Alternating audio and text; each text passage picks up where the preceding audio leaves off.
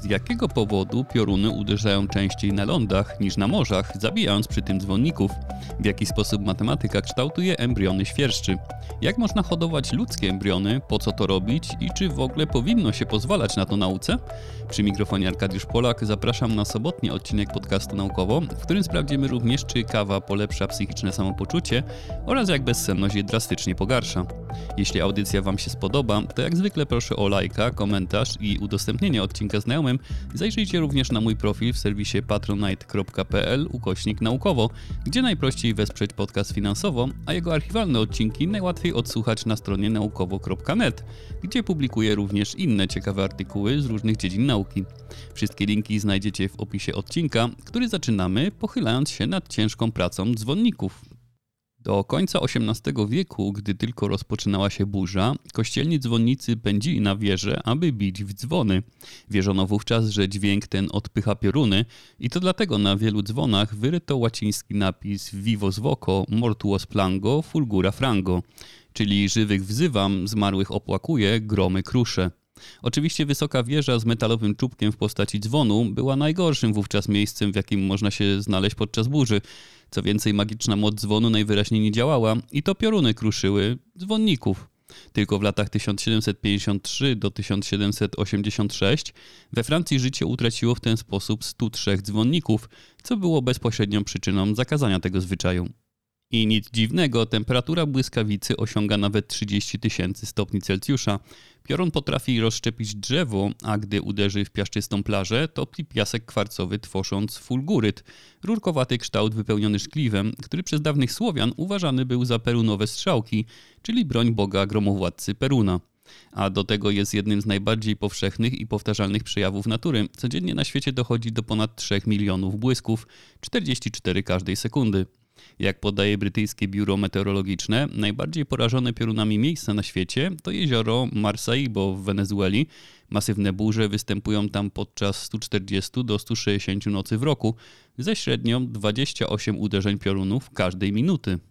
Elektryzowanie się chmur konwekcyjnych ma miejsce, gdy kryształki lodu zderzają się z krupami śnieżnymi, czyli opadem atmosferycznym, który tworzy się, gdy przechłodzone w powietrzu kropelki wody są zbierane i zamarzają na spadających płatkach śniegu.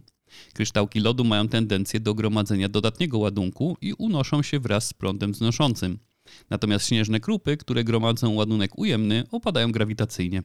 To w taki sposób budowane jest pole elektryczne, które prowadzi do wyładowań atmosferycznych ale znajomość tego mechanizmu nie zdołała przez lata odpowiedzieć na inne pytanie: dlaczego błyskawice nad lądem są częstsze i często silniejsze niż te nad morzem? Znane efekty termodynamiki i aerozoli mogą dobrze wyjaśniać aktywność burzową nad lądem, ale zawodzą nad oceanami. Jak sugerowano, część tej rozbieżności ma związek ze wzrostem ilości drobnych kropel wody, ale według badaczy nie jest to wystarczające wyjaśnienie tak znacznej różnicy. Grupa naukowców twierdzi, że znalazła inne wyjaśnienie. Zespół badawczy przeanalizował dane o uderzeniach piorunów w Afryce i sąsiadujących z nią oceanach od 2013 do 2017 roku. Łącznie uzyskano 76 665 przypadków błyskawic, przy czym niemal 55 tysięcy nad lądem i ponad 22 tysiące nad oceanem. Analiza tej ogromnej puli danych przeprowadzona przez zespół zdaje się potwierdzać ich hipotezę, to gruboziarnista sól z aerozolu morskiego powoduje, że więcej kropel deszczu tworzy się na niższej wysokości, okradając wyższe chmury z paliwa potrzebnego do tworzenia potężnych piorunów. Naukowcy wskazują, że gruboziarnisty aerozol soli morskiej może zmniejszyć częstotliwość uderzeń piorunów nawet o 90%. Aerozole mają też duże znaczenie w występowaniu różnych efektów klimatycznych, a prace nad piorunami mogą przyczynić się do lepszego zrozumienia interakcji między aerozolami a chmurami, co napędza system cyrkulacji atmosferycznej.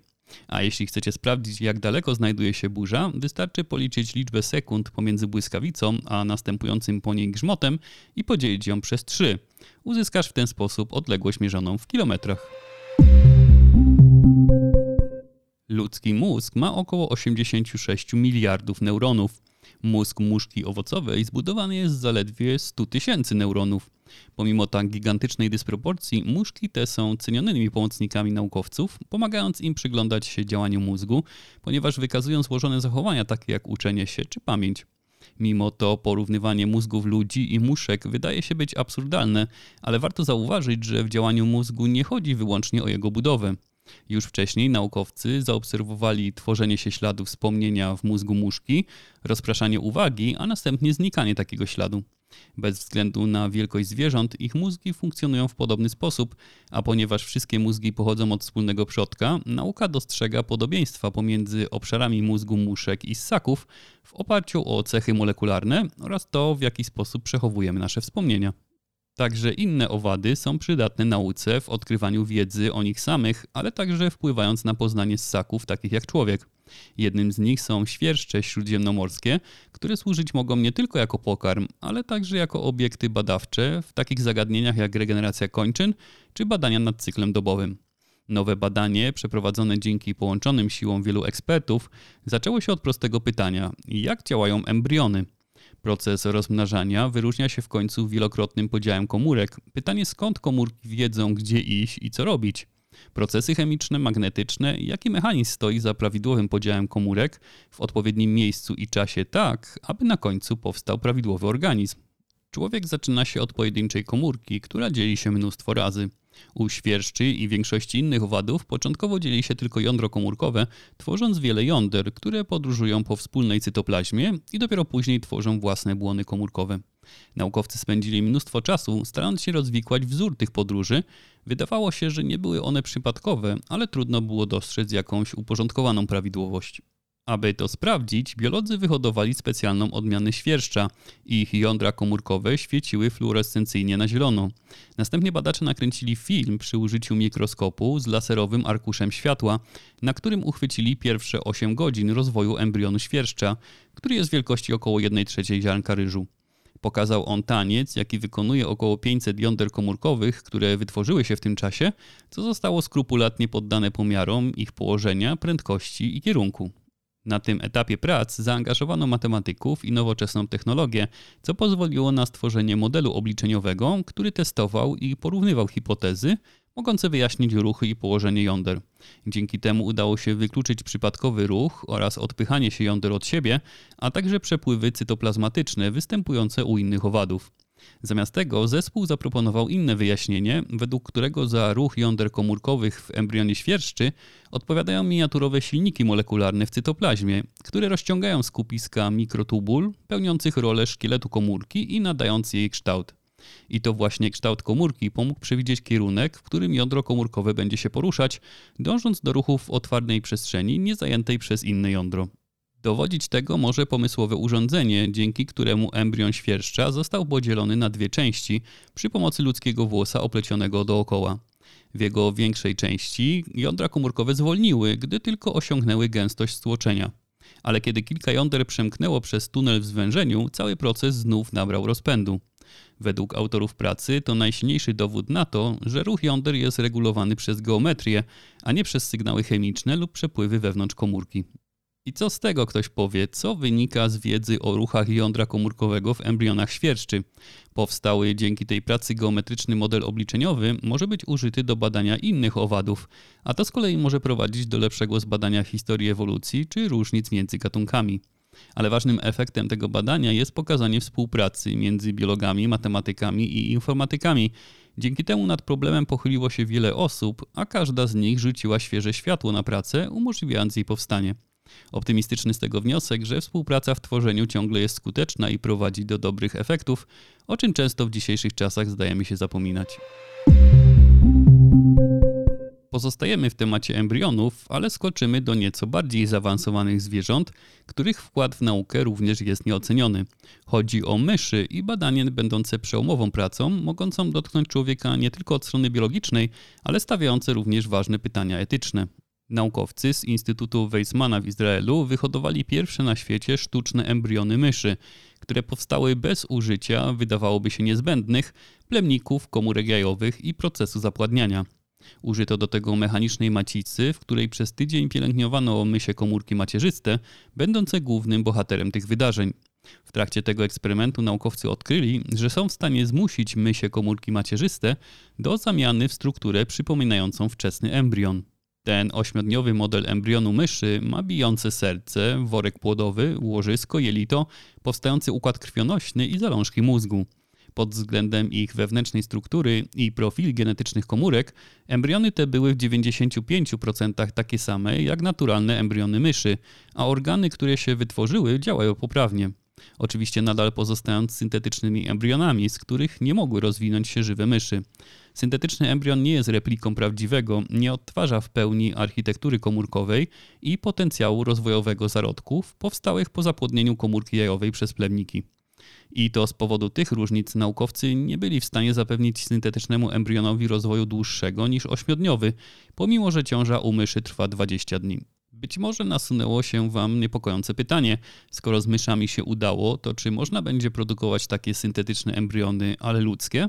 W 2021 roku kilku zespołom badawczym udało się zmusić ludzkie komórki macierzyste do zamiany w blastocystę, balonik zawierający węzeł zarodkowy, z którego po transferze do macicy wytworzy się płód, oraz części, które zostaną użyte do produkcji np. łożyska. Ale to, co dzieje się dalej, jest znacznie bardziej skomplikowanym procesem u ludzi niż u myszy. Trzeba tu podkreślić, że wyhodowanie ludzkich syntetycznych embrionów o takiej samej złożoności, jaką udało się osiągnąć u myszy, pozostaje bardzo odległą perspektywą. Istnieją też różnice pomiędzy zakazem stosowania tej technologii oraz technologii takich jak klonowanie ludzi w celach reprodukcyjnych. Po co w ogóle podejmować próby wytworzenia syntetycznych ludzkich embrionów? Oczywiście sama obserwacja procesu umożliwia pogłębienie naszej wiedzy na temat rozwoju człowieka, ale może to być także znakomite źródło komórek i tkanek do przeszczepów. Badanie na myszach pokazuje proces, który także u ludzi jest najbardziej narażony na zakłócenia, a mianowicie wczesny etap ciąży. U ludzi wiele ciąż jest traconych właśnie na tym etapie, a my tak naprawdę nie wiemy dlaczego. Badanie embrionów to w istocie badanie wielu mikroskopijnych komórek. Ciężko to robić w macicy podczas naturalnego rozwoju. Posiadanie modeli syntetycznych umożliwiłoby lepsze zrozumienie tego, co może pójść nie tak, a także mogłoby dać wgląd w to, co możemy z tym zrobić. Czy w ogóle hodowla ludzkich embrionów powinna być prawnie dopuszczalna? Różne są podejścia państw. W Australii badania z wykorzystaniem modeli zarodków ludzkich komórek macierzystych wymagałyby uzyskania zezwolenia, podobnego do zezwolenia wymaganego w przypadku wykorzystania naturalnych zarodków ludzkich. Prawo takie funkcjonuje tam od 2002 roku. W Izraelu i wielu innych krajach, takich jak Stany Zjednoczone i Wielka Brytania, takie badania są legalne i akceptowalne, ale użycie ich do wywołania ciąży u kobiety byłoby już niezgodne z prawem. Dziś, korzystając z rozgłosu, jaki dało wyhodowanie mysich syntetycznych embrionów, naukowcy apelują, aby prawo i dyskusja o etyce nadążały za rozwojem nauki, pozwalając na ustalenie, co i jak można robić, aby nie przekraczać etycznych granic, umożliwiając przy tym rozwój nauce. Niektórzy z nas nie wyobrażają sobie rozpoczęcia dnia bez kubka kawy. Inni potrzebują czarnego napoju do pracy czy nauki, ale są i tacy, którzy smakiem kawy dostarczają sobie relaksu i przyjemności. Albo stosują kawę we wszystkich tych przypadkach w ciągu dnia, wyraźnie odczuwając przy tym działanie kawy na ich psychikę. W licznych badaniach wykazano związek między wyższym poziomem spożycia kawy, a niższym ryzykiem samobójstw i depresji. Każde dwie dodatkowe filiżanki kawy dziennie wiązały się z mniejszym o 25% ryzykiem samobójstwa. A przecież coraz więcej dowodów wskazuje na to, że optymizm, szczęście i cel życia wiążą się z mniejszym prawdopodobieństwem pogorszenia stanu zdrowia. Dobre samopoczucie może być związane z wieloma różnymi czynnikami, takimi jak zdrowie, także to psychiczne, relacje społeczne i wybory dotyczące stylu życia. Ale w żadnym dotychczasowym badaniu nie oceniano, czy spożywanie kawy może przyczyniać się do zwiększania naszego komfortu psychicznego. Wszak wcale nie trzeba mieć depresji, aby nie mieć dobrego samopoczucia. Głównym celem nowego badania było sprawdzenie związku pomiędzy spożyciem kawy a dwoma powszechnie mierzonymi aspektami komfortu psychicznego szczęściem i optymizmem. Autorzy pracy wykorzystali dane z dużego amerykańskiego badania pielęgniarek. Zostały one pobrane od uczestniczek, które wypełniły kwestionariusze dotyczące szczęścia lub optymizmu, a także zgłosiły spożycie kawy. W przypadku oceny szczęścia próba obejmowała ponad 44 tysiące uczestniczek, a w przypadku oceny optymizmu dane pobrano od ponad 36 tysięcy badanych pielęgniarek. Podawały one ilość spożywanej kawy, poziom samopoczucia psychicznego, szczęścia i optymizmu, swoje zachowania zdrowotne i demograficzne. Całość obejmowała obserwacje trwające 20 lat, więc badano tu długoterminowe efekty, jakie mogłoby nieść spożycie kawy dla naszego psychicznego samopoczucia. Dla wielbicieli kawy mam dwie wiadomości, dobrą i złą. Zła jest taka, że badanie to wykazało bardzo słaby związek między minimalnym spożyciem kawy a długoterminowym samopoczuciem. Umiarkowane spożycie kawy nie miało znaczącego związku ze szczęściem, natomiast picie czarnego naparu w ilościach przekraczających 4 filiżanki dziennie wiązało się z niższym o 3% poziomem trwałego szczęścia. Umiarkowane picie kawy miało też słaby związek z większym trwałym optymizmem, ale picie kawy rzadko lub bardzo często już takiego związku nie wykazało. Dobra wiadomość jest natomiast taka, że rozsądne spożywanie kawy nie przynosi żadnych widocznych szkód dla naszego psychicznego komfortu, więc czujcie się swobodnie podczas zaparzania kolejnego kubka aromatycznego napoju. Byle nie przesadzać z jego ilością. Kofeina może wszak zaburzać nasz sen, a przez to cały cykl okołodobowy. Leżąc podczas bezsennej nocy i wpatrując się w sufit, dopaść może wiele negatywnych myśli potęgowanych przez ciemność i stres. Gdy rozum śpi, budzą się demony, a naukowcy ostrzegają, że ludzki umysł nie powinien być budzony po północy. Wiele dowodów wskazuje na to, że ludzki umysł funkcjonuje inaczej, jeśli jest obudzony w nocy. Zarówno ciało, jak i umysł człowieka działa w rytmie 24-godzinnego cyklu aktywności, który z kolei wpływa na nasze emocje i zachowanie. I ma to sens również z ewolucyjnego punktu widzenia. W ciągu dnia nasi przodkowie polowali czy walczyli, światło słoneczne wspomagało aktywność, aby nocą jego brak ją ograniczał, zapewniając odpoczynek i bezpieczeństwo od czających się w ciemnościach zagrożeń. W nowym badaniu autorzy stawiają nową hipotezę. W ciągu dnia poziomy molekularne, aktywność neuronów i reakcje są dostrojone do naszego zwykłego zachowania czuwania, ruchu, jedzenia, interakcji z innymi ludźmi czy otaczającym nas środowiskiem. Gdy nadchodzi noc, te parametry są przestawiane do innego zachowania, jakim powinien być wówczas sen. Jeśli snu nie zapewnimy, to w nocy negatywne emocje przyciągają naszą uwagę bardziej niż pozytywne, niebezpieczne pomysły stają się bardziej atrakcyjne, a zahamowania znikają. Tę hipotezę zdają się też potwierdzać inne badania. Nielegalne lub niebezpieczne substancje są w większym stopniu przyjmowane przez ludzi w nocy. W 2020 roku badania w nadzorowanym ośrodku konsumpcji narkotyków w Brazylii wykazały prawie pięciokrotnie większe ryzyko przedawkowania opioidów w nocy. Także samobójstwa i samookaleczenia są bardzo powszechne w godzinach nocnych. Niektóre badania donoszą o trzykrotnie wyższym ryzyku samobójstwa między północą a szóstą rano w porównaniu do każdej innej pory dnia. W badaniu autorzy przywołują przykład studenta, który ma zaburzony dobowy cykl ze względu na bezsenność powodującą negatywny nastrój. Student czuje się odizolowany i samotny, co prowadzi do niekończącej się nawałnicy obsesyjnych wspomnień i myśli na temat wcześniejszych negatywnych doświadczeń w związkach. Te rozpamiętywane wspomnienia szybko i niewłaściwie uogólniają się na wszystkie związki, tworząc poczucie beznadziejności i rozpaczy. Wówczas wcześniej niewyobrażalne samobójstwo pojawia się jako ucieczka od samotności i bólu, a impulsywna decyzja pomija rozważanie jej skutków. Przykład ten pokazuje, jak negatywny efekt, upośledzony osąd i impulsywność podczas nocnego czuwania mogą zwiększyć częstość występowania i atrakcyjność niebezpiecznych pomysłów oraz promować zachowania, których do końca nie kontrolujemy. Autorzy badania twierdzą, że do tej pory nie przeprowadzono żadnych badań, w których sprawdzono by, jak brak snu i rytm okołodobowy wpływają na przetwarzanie nagrody przez daną osobę. W związku z tym nie wiemy, jak pracownicy zmianowi, tacy jak piloci czy lekarze, radzą sobie z nietypową rutyną snu. Powodów jego zaburzeń może być mnóstwo, od bezsenności poprzez koszmary czy wpływ używek, a tego typu badania mogą nieść ze sobą nowe ustalenia i wytyczne dla przyszłych terapii pozwalających ludziom zaznać spokojnego, relaksującego snu. I na tym kończymy dzisiejszą audycję. Na kolejny odcinek podcastu zapraszam w najbliższą środę. Dziękując za dziś, życzę Wam relaksującego weekendu. Do usłyszenia.